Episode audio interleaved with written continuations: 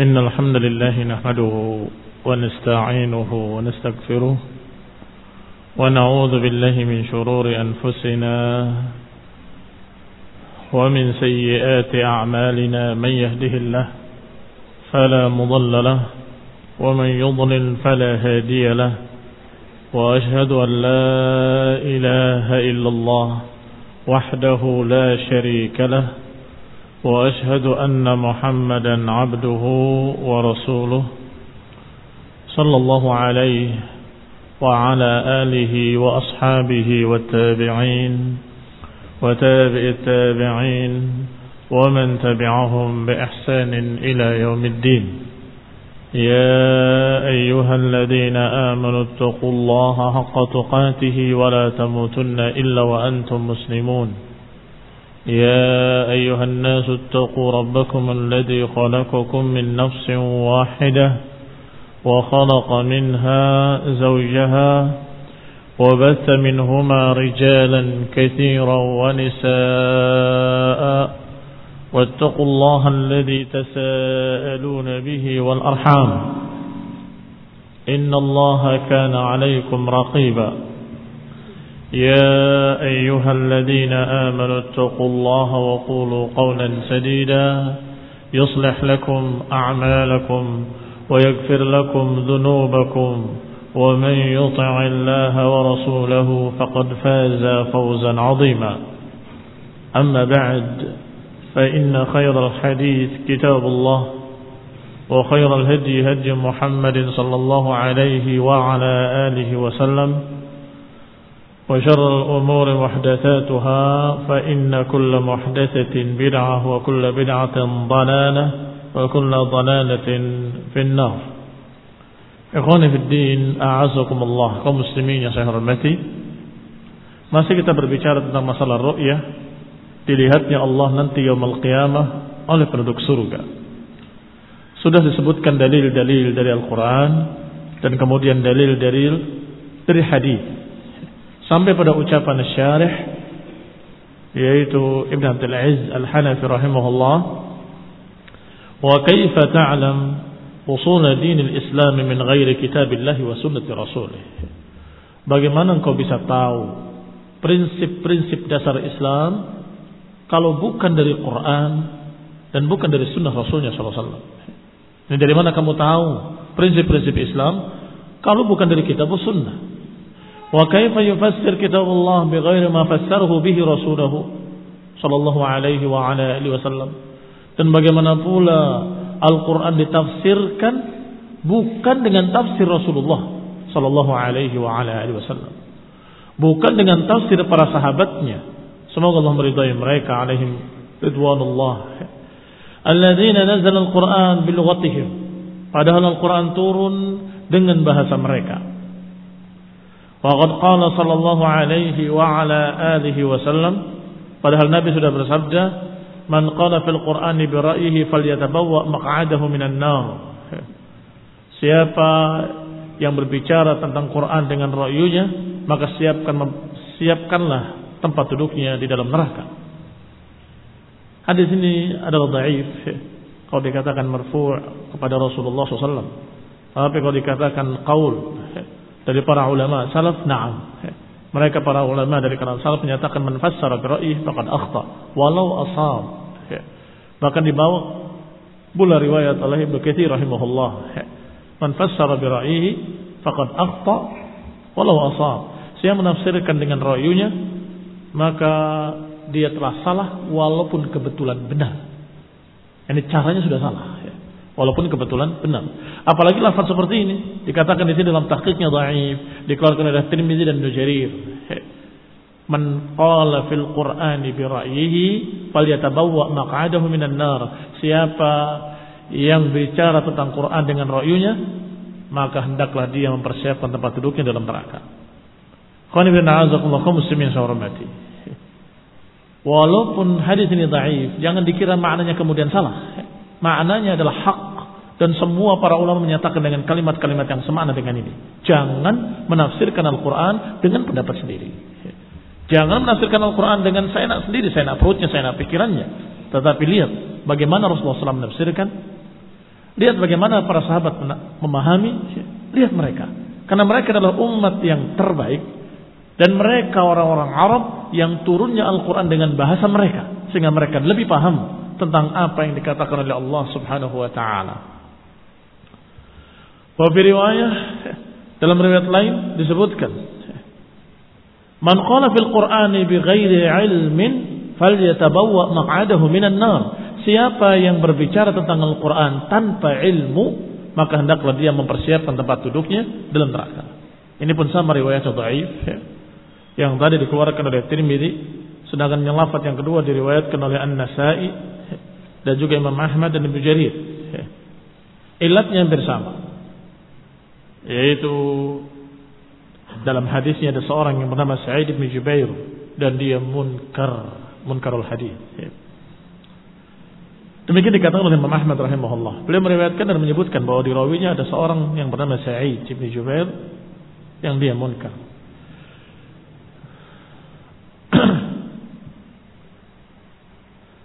Afwan. Hadis beliau dari Sa'id bin Jubair munkar, bukan Sa'id bin Jubair yang munkar. Hadis beliau dari Sa'id bin Jubair munkar. Fihi Abdul A'la yang dhaif yang munkar adalah Abdul Ala khususnya dari Ibnu Jubair rahimahullah. Baik. Qala rahimahullah wa su'ila Abu Bakr ditanya Abu Bakar radhiyallahu taala anhu an qaulihi ta'ala tentang ucapan Allah Subhanahu wa taala wa fakihatan wa abba wa fakihatan wa abba beliau ditanya tentang mana itu mal ab apa yang dimaksud dengan abba? Faqala ayy sama'in tudhilluni wa ayy ardin tuqilluni idza qultu fi kitabillahi ma la a'lam. Langit mana yang akan menaungi aku? Dan bumi mana yang akan aku pijak? Kalau aku berbicara tentang ayat Allah dengan sesuatu yang aku tidak ketahui ilmunya. Abu Bakar Siddiq radhiyallahu taala anhu. Ketika ditanya tentang wa fakihah atau wa abba, fakihah buah. Sedangkan abba itu apa? Kata beliau, ayu sama'in tudilluni wa ayu ardin tuqilluni. Langit mana yang akan menaungi aku? Dan bumi mana yang akan aku pijak? Kalau aku berbicara tentang Al-Quran dengan sesuatu yang aku tidak ketahui ilmunya. Artinya beliau sangat takut untuk berbicara tentang Al-Quran kalau tidak punya ilmu. Kalau tidak tahu makna-maknanya. Maka apa yang tidak tahu katakan wallahu taala a'lam. Allah yang lebih tahu. Walaysa tashbihu ru'yatillahi ta'ala bi ru'yati syamsi wal qamari tashbihan lillah. Dan dalam hadis kemarin bukanlah penyerupaan melihat Allah dengan melihat matahari dan bulan bukan berarti menyerupakan Allah dengan matahari dan bulan. Pada hadis yang kemarin ketika Rasulullah SAW menyatakan dalam hadis yang sahih innakum satarawna rabbakum kama tarawna hadzal qamar lailatal badr.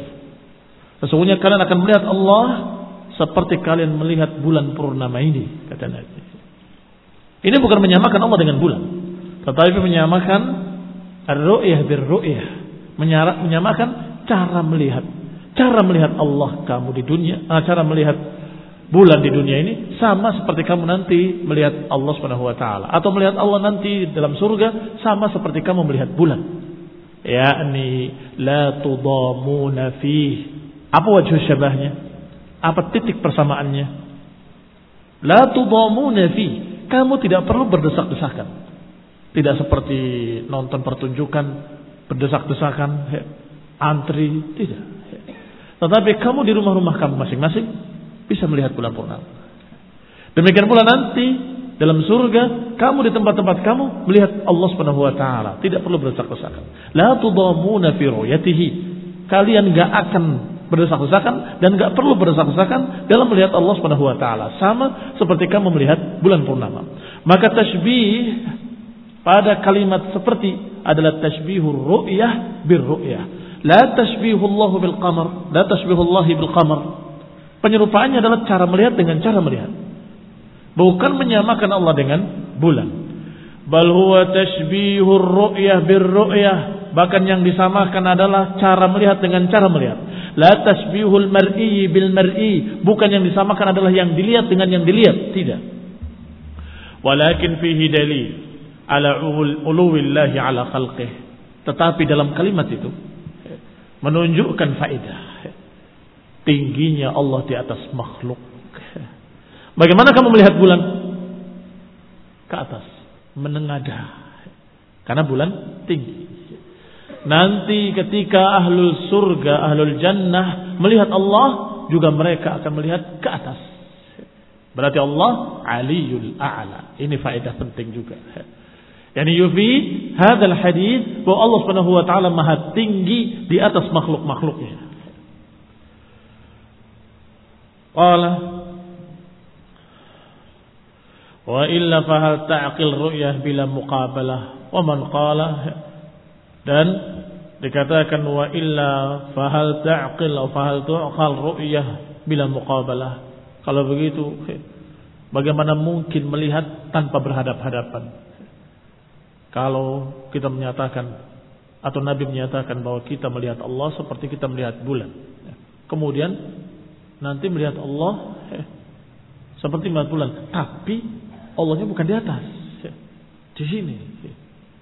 Artinya tidak berhadapan-hadapan kan? Maka mana mungkin kata Ibn Abdul Aziz Al-Hanafi rahimahullah, bagaimana mungkin melihat tidak berhadapan? Kalau yang namanya melihat itu wajahmu, matamu ke arah yang dilihat. Kalau menengadahnya ke atas berarti yang dilihat di mana? Ya di atas. Kalau Nabi menyatakan kamu akan melihat Allah seperti kamu melihat bulan, berarti di mana Allah? Di atas. Maha tinggi. Sabbihisma rabbikal a'la. Sucikanlah Rabb kamu yang paling tinggi, yang maha tinggi. Wa man qala yara la fi jihah. Kata Ibn Abdul Aziz Al-Hanafi, siapa yang berkata bahwa penduduk surga akan melihat Allah tapi tidak di arah mana pun, fal yuraji aqlu. Hendaklah periksa akalnya. Suruh ke psikiater. Suruh ke dokter jiwa. Waras apa enggak waras? Ia memang melihat tapi tidak di arah mana pun. Ya rabbahu la fi jihah kata ahlul kalam. Ahlul kalam yang tengah-tengah. Karena ahlul kalam kebanyakan mereka menolak. Tidak mungkin Allah bisa dilihat. Tapi ada para muhannasin. Ada para banci. Yang kata Syekhul Islam Ibn Taimiyah. Muhannasi mu'tazilah. Para banci-bancinya mu'tazilah. Siapa banci-banci mu'tazilah? Asy'ariyah dan yang sejenisnya. Ya memang nanti melihat Allah. Tapi la Tetapi tidak di arah mana pun. Terus bagaimana melihat Allah tapi tidak di arah mana pun? La fi jihad fauqiyah wala fi jihad kata wala fi jihad kata wala fi jihad kata. Allah tidak di sana, tidak di sini, tidak di atas, tidak di bawah. La fi jihad. Melihat Allah tapi la fi jihad. Maka kata Ibn Abdul Aziz Al-Hanafi, sungguh ucapannya sangat pas. Man qala yara rabbahu la fil jihad falyuraji aqluh Siapa yang berkata bahwa Allah dilihat tapi tidak di arah mana pun, hendaklah dia memeriksa akalnya. Suruh ke dokter jiwa. Fa imma an yakuna mukabiran li aqlihi wa fi aqlihi syai. Wa illa fa idza qala yara la ima la amama al-ra'i wala khalfahu wala an yaminihi wala an yasarihi wala fawqahu wala tahtahu radda alaihi kullu man sami'ahu bi fatratihi salimah. Selanjutnya, Ibn Abdul Is berkata, karena orang itu perlu diperiksa akalnya kenapa? Karena bisa jadi di akalnya ada kecerdasan. Tetapi dia sombong tidak mau menuruti apa yang dipikirkan oleh akal sehatnya. Ditentang akal sehatnya. Ini kemungkinan sakit yang pertama. Kemungkinan sakit yang kedua benar-benar gila. Ya ini dia sama sekali nggak bisa memikirkan dengan akal yang sehat. Wa fi aqlihi syai' di akalnya ada sesuatu. Memiliki sesuatu. Kurang dikit. Entah kurang seon atau kurang seperapat wallahu taala a'lam. Wa illa kalau tidak begitu mana mungkin dia berkata yara atau yura la amama rai Allah dilihat tetapi tidak di hadapan orang yang melihat Wala khalfahu, tidak pula di belakang orang yang melihat, tidak di kiri orang yang melihat, tidak di kanannya, tidak di atasnya, tidak di bawahnya. Kira-kira kalau ada orang yang berkata seperti itu, apa kata orang-orang yang mendengarnya? Rudda alaihi kullu man sami'ahu bi fitratihi salima. Orang ini akan ditentang, akan dibantah oleh setiap orang yang mendengarnya yang masih memiliki akal yang salimah, masih memiliki akal yang sehat. Tanyakan, bedekan, mungkinkah ada yang dilihat tetapi tidak depan, tidak belakang, tidak di kiri, tidak di kanan, tidak di atas, tidak di bawah. Kalau bukan khayalan, ya mimpi. Iya kan? Saya melihat, tapi bukan di depan, bukan di belakang, bukan di kiri, bukan di kanan. Nah terus di mana? Dalam mimpi. Lah mimpi itu khayal. Mimpi itu bukan sebenarnya. Tetapi yang dibicarakan dalam Quran dan Sunnah adalah hak.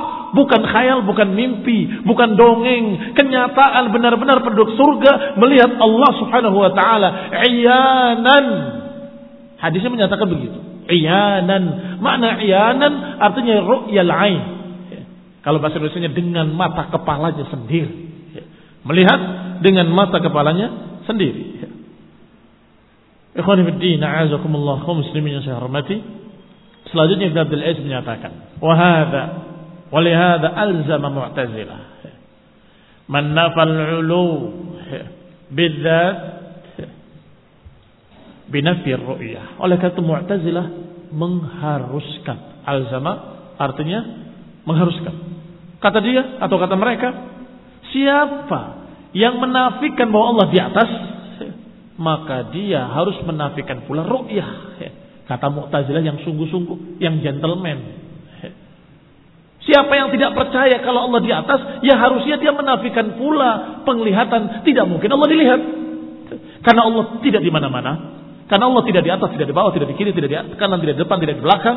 Maka berarti Allah tidak bisa dilihat. Itu Mu'tazilah.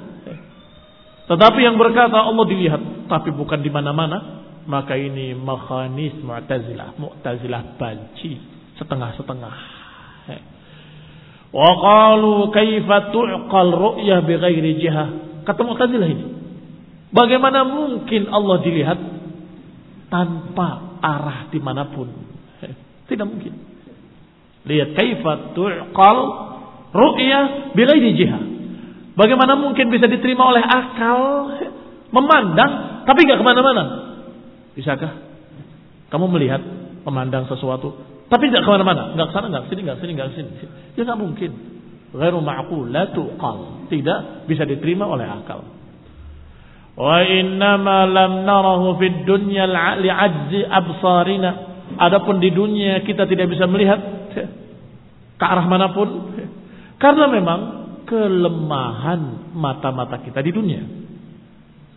Lalim tina'ir ru'yah Bukan berarti Allah tidak bisa dilihat. Bisa nanti ketika mata kita sudah diberi oleh Allah Ta'ala kemampuan. Kapan itu? Di surga, di jannah. Sesuai dengan berita Nabi Sallallahu Alaihi wa ala alihi wasallam. Fahada syams. Ida hadaq ra'il basar fi syu'a'iha da'ufa an ru'yatiha. Contoh. Jangankan melihat Allah Ta'ala di dunia ini. Di dunia ini kita melihat matahari saja nggak sanggup kalau matahari sedang bersinar, sedang terik-teriknya, kamu mandang matahari, bisa melihat bentuknya kayak apa? Hah? Tidak bisa. Apalagi Allah yang akbar lebih besar. Wahijabuhun nur. Dan hijabnya adalah cahaya. Gak ada apa-apanya matahari. Berarti kalau di dunia kita tidak bisa melihat Allah, bukan berarti Allah tidak bisa dilihat. Tetapi karena mata-mata kita di dunia lemah. Tidak mampu memandang matahari ketika bersinar terik. Tidak mampu. Apakah berarti matahari tidak bisa dilihat? Bukan. Mata kamu yang gak mampu melihat. Matahari bisa dilihat. Tapi mata kamu yang gak mampu. Sehingga harus dengan bantuan-bantuan. Filter-filter diberi filter ini, filter ini, filter ini, baru kemudian bisa dilihat matahari dengan bentuknya yang bulat dan kelihatan lekuk-lekuk yang di dalamnya. Mereka yang berupaya seperti itu baru bisa. Berarti mata kita yang lemah. Apalagi melihat Allah. Apalagi melihat Allah di dunia. Maka Allah katakan lantarani. Engkau tidak akan bisa melihat aku di dunia ini. Bukan berkata aku tidak bisa dilihat, bukan. Karena Allah bisa dilihat nanti yaumal qiyamah. Tetapi di dunia bali'adzir ra'i bahkan karena memang si penglihatnya tidak mampu.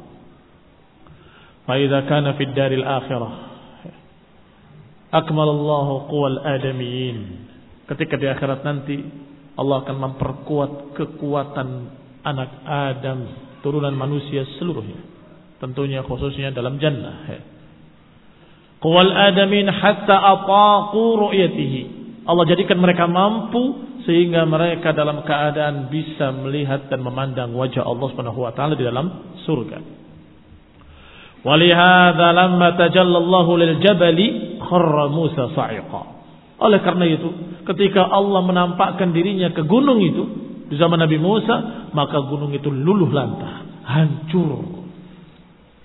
Dan Musa kharra sa'iqa, tersungkur tidak sadarkan diri. Falamma afaqa, ketika sadar Nabi Musa alaihissalam dari pingsannya, beliau berkata alaihissalam, Subhanah, tubtu ilaik, suci engkau ya Allah, aku bertaubat kepadamu, wa ana awwalul mu'minin, akulah orang-orang yang pertama beriman kepadamu. Bi annahu la yaraka hayyun illa mat, bahwasanya di dunia ini tidak ada yang melihat Allah orang yang hidup kecuali pasti akan binasa, pasti akan mati. Wala yabisin illa tadahdah. Tidaklah yang basah ketika melihat Allah kecuali akan mengering. Walihada kana al-bashar ya'jizuna an ru'yati. Oleh oleh karena itu para hamba manusia-manusia ini tidak sanggup jangankan memandang wajah Allah. Di dunia ini enggak sanggup melihat malaikat sekalipun. An ru'yatil malak. Kalau fi suratihi, kalau malaikat itu dalam bentuk aslinya. Adapun ketika malaikat dalam bentuk manusia, Rasulullah SAW melihat. Tetapi malaikat dalam bentuk aslinya tidak mampu. Illa man ayyadahu Allah kecuali orang yang diberi kekuatan oleh Allah Subhanahu wa taala seperti Rasulullah SAW Walaqad ra'ahu nazlatan ukhra inda sidratil muntaha. Rasulullah SAW melihat sekali lagi Jibril dalam bentuk aslinya di sidratil muntaha. Demikian dikabarkan dalam surat An-Najm. Wan najmi idha hawa. Qala ta'ala wa qalu laula unzila alaihi malakun walau anzalna malakan laqudiya al-amr. Allah berfirman, mereka berkata, orang-orang musyrikin yang menentang Rasul berkata, "Laulan unzila alaihi malak." Kalau saja diturunkan kepadanya atau bersamanya malaikat. Kalau saja nabi itu diutus bersamanya malaikat. Kata Allah, "Walau anzalna malakan laqudiyal amr." Kalau aku turunkan malaikat, maka selesai perkara. Selesai urusan. Apa makna ayat ini? Qala ghairu wahidin minas salaf dikatakan bukan dari satu orang dari kalangan salaf. Mereka berkata la yutiquna an yarawul malak fi suratihi. Makna ayat Allah tadi mereka enggak akan sanggup melihat malaikat dalam bentuk aslinya. Kalau diturunkan malaikat selesai urusan. Yakni binasa seluruhnya habis. Kalau anzalna alaihi malakan laja'alnahu fi suratil bashar. Kalau kami turunkan malaikat kata Allah niscaya kami akan turunkan dalam bentuk manusia. Kalau bentuk manusia, kalian akan protes lagi. Lihat, Allah Maha tahu bahwa musyrikin hanya mempermainkan Rasulullah SAW. Coba kalau engkau benar-benar Rasul, turunkan bersamamu malaikat. Kalau diturunkan malaikat dalam bentuk aslinya, laqudiyal amr akan selesai semuanya, beres, binasa seluruhnya. Maka kata Allah, kami akan turunkan kalau kami turunkan malaikat, kami akan turunkan dalam bentuk manusia. Dan kalian akan protes lagi. Wahina idin yashtabih alaihim. Maka ketika itu akan bingung lagi. Ini malaikat apa manusia? Yang manusia yang mana? Yang malaikat yang mana? Karena bentuknya sama. Allah turunkan dalam bentuk manusia. Hal huwa basyarun aw malak. Akan bingung mereka. Wa min tamami ni'matillahi alaina an ba'atha fina rasulan minna dan dari kesempurnaan kesempurnaan nikmat Allah atas kita bahwasanya Allah mengutus di antara kita seorang nabi dari kalangan manusia, dari jenis kalian sendiri. Min anfusikum, dari diri-diri kalian, ini dari jenis kalian. Wa ma wa ma mu'tazilah. Hadzal ilzam illa lamma wafaquhum ala annahu la dakhilal alam wala kharijahu lakin qaul man asbata mawjudan yura la fi jihah aqrab ila al-aql min qauli man asbata mawjudan qa'iman bi nafsihi la yura wala fi jihah Mu'tazilah menganggap seperti itu. Kalau Allah tidak di mana-mana ya berarti Allah nggak bisa dilihat. Kenapa demikian? Mereka mengatakan seperti itu lama wafaquhum karena mereka cocok anahu la dakhil al alam bahwa Allah kata mereka tidak di dalam alam, tidak di luar alam. Di mana itu? Ya tidak tahu. Itu kegilaan Mu'tazilah. Tidak di dalam alam ini, tidak pula di luar alam, tidak di mana-mana. Jadi pertanyaan yang salah kalau ada yang bertanya Allah di mana? Karena Allah tidak di mana-mana. Astagfirullah. Astagfirullah. Kita minta ampun pada Allah Subhanahu wa taala dan kita perintahkan mereka untuk bertaubat. Minta ampun pada Allah taala. Nabi SAW bertanya kepada seorang budak yang akan dimerdekakan. Dites oleh Nabi. Apakah dia beriman atau tidak beriman? Kalau kalau beriman, merdekakan dia. Maka Rasulullah bertanya kepadanya, Aina Allah? Di mana Allah? Masa Nabi bertanya dengan pertanyaan yang salah? Aina Allah? Di mana Allah? Budak tadi menyatakan dengan tangannya menunjuk ke atas, ini di atas sana. Ditanya, "Waman ana?" Siapa aku? Maka ditunjuk Rasulullah SAW oleh anak tadi dan kemudian ditunjuk ke langit. Engkau utusan yang di langit. Maka Nabi mengatakan kepada pemiliknya, kepada sahabat yang mulia, merdekakan dia. Fa innaha mu'minah i'tiqha fa innaha mu'minah. Merdekakan budak perempuan ini, sesungguhnya dia adalah orang beriman kata Nabi. Disebut mukminah oleh Nabi karena dua pertanyaan. Pertanyaan pertama, Aina Allah? Di mana Allah? Masa pertanyaan di mana Allah dikatakan salah? Masa Allah ditanya di mana? Allah tidak di mana-mana. Astagfirullahaladzim. Berarti dia menyalahkan pertanyaan Rasulullah, pertanyaan Nabi, pertanyaan utusan junjungan kita semuanya. Maka dia benar-benar menentang Rasulullah Sallallahu Alaihi Wasallam. Allah Subhanahu Wa Taala maha tinggi di atas arasnya. Kalau ditanya di mana Allah, katakan bersama atau di ketinggiannya. Jawab di atas arasnya. Jawab Allah Subhanahu Wa Taala di atas seluruh makhluknya. Ini jawaban yang hak dari Quran was Sunnah. Ikhwan fillah, azakumullah muslimin yang saya hormati. Barang siapa menyatakan Allah tidak di mana-mana, fal yuraji aqluh. Barang siapa yang berkata bahwa Allah tidak di mana-mana, hendaklah dia ke rumah sakit jiwa atau ke dokter atau ke psikiater barangkali ada stres dikit. Barangkali bocor halus. Tahu bocor halus? Kelihatannya kalau ngobrol sepintas orang waras. Tetapi ternyata setelah lama kelamaan kelihatan kempesnya. Ban itu kan begitu kalau bocor halus. Ketika Habis itu apa? Enggak kempes kok. Besoknya dilihat sudah separuh. Sepintas nggak kelihatan. Ternyata ketika sudah selambat laun, oh ada ngengnya sedikit di kepala. muslim yang saya hormati. Ini jelas karena apa yang mereka ucapkan sama sekali bertentangan dengan akal-akal yang sehat. Kalau Allah tidak di mana-mana, tidak di dalam alam, tidak di luar alam, berarti tidak ada. Berarti kalian kafir menentang Allah SWT. Kalau menyatakan ada, ya mesti. Harus bisa dijawab aina. Di mana? Dijawab di atas seluruh makhluk-makhluknya. Allah maha tinggi di atas seluruh makhluk-makhluknya. Di atas langit, di atas langit, di atas langit, di atas langit, di atas arasnya. Di atas seluruh makhluknya maha tinggi. Subhanahu wa ta'ala. Kita sebut Allah dengan kalimat subhanahu wa ta'ala. Apa makna subhanahu wa ta'ala? Yang diucapkan selalu. Ya. Subhanahu, maha suci dia. Ta'ala dan maha tinggi. Maha suci lagi maha tinggi. Makanya jangan disingkat SWT, SWT, SWT. Ini gak paham-paham kalau Allah maha tinggi. Ya. Ya. Demikian dikatakan oleh Ibn Abdul Aziz Al-Hanafi rahimahullahu taala bahwasanya mereka-mereka yang menyatakan bahwa Allah ada tapi tidak di mana-mana, Allah dilihat tapi tidak di arah mana pun, maka mereka adalah orang-orang yang tidak waras. Wallahu taala a'lam. Subhanakallahumma an la ilaha illa anta astaghfiruka wa atubu ilaik. Wassalamualaikum warahmatullahi wabarakatuh.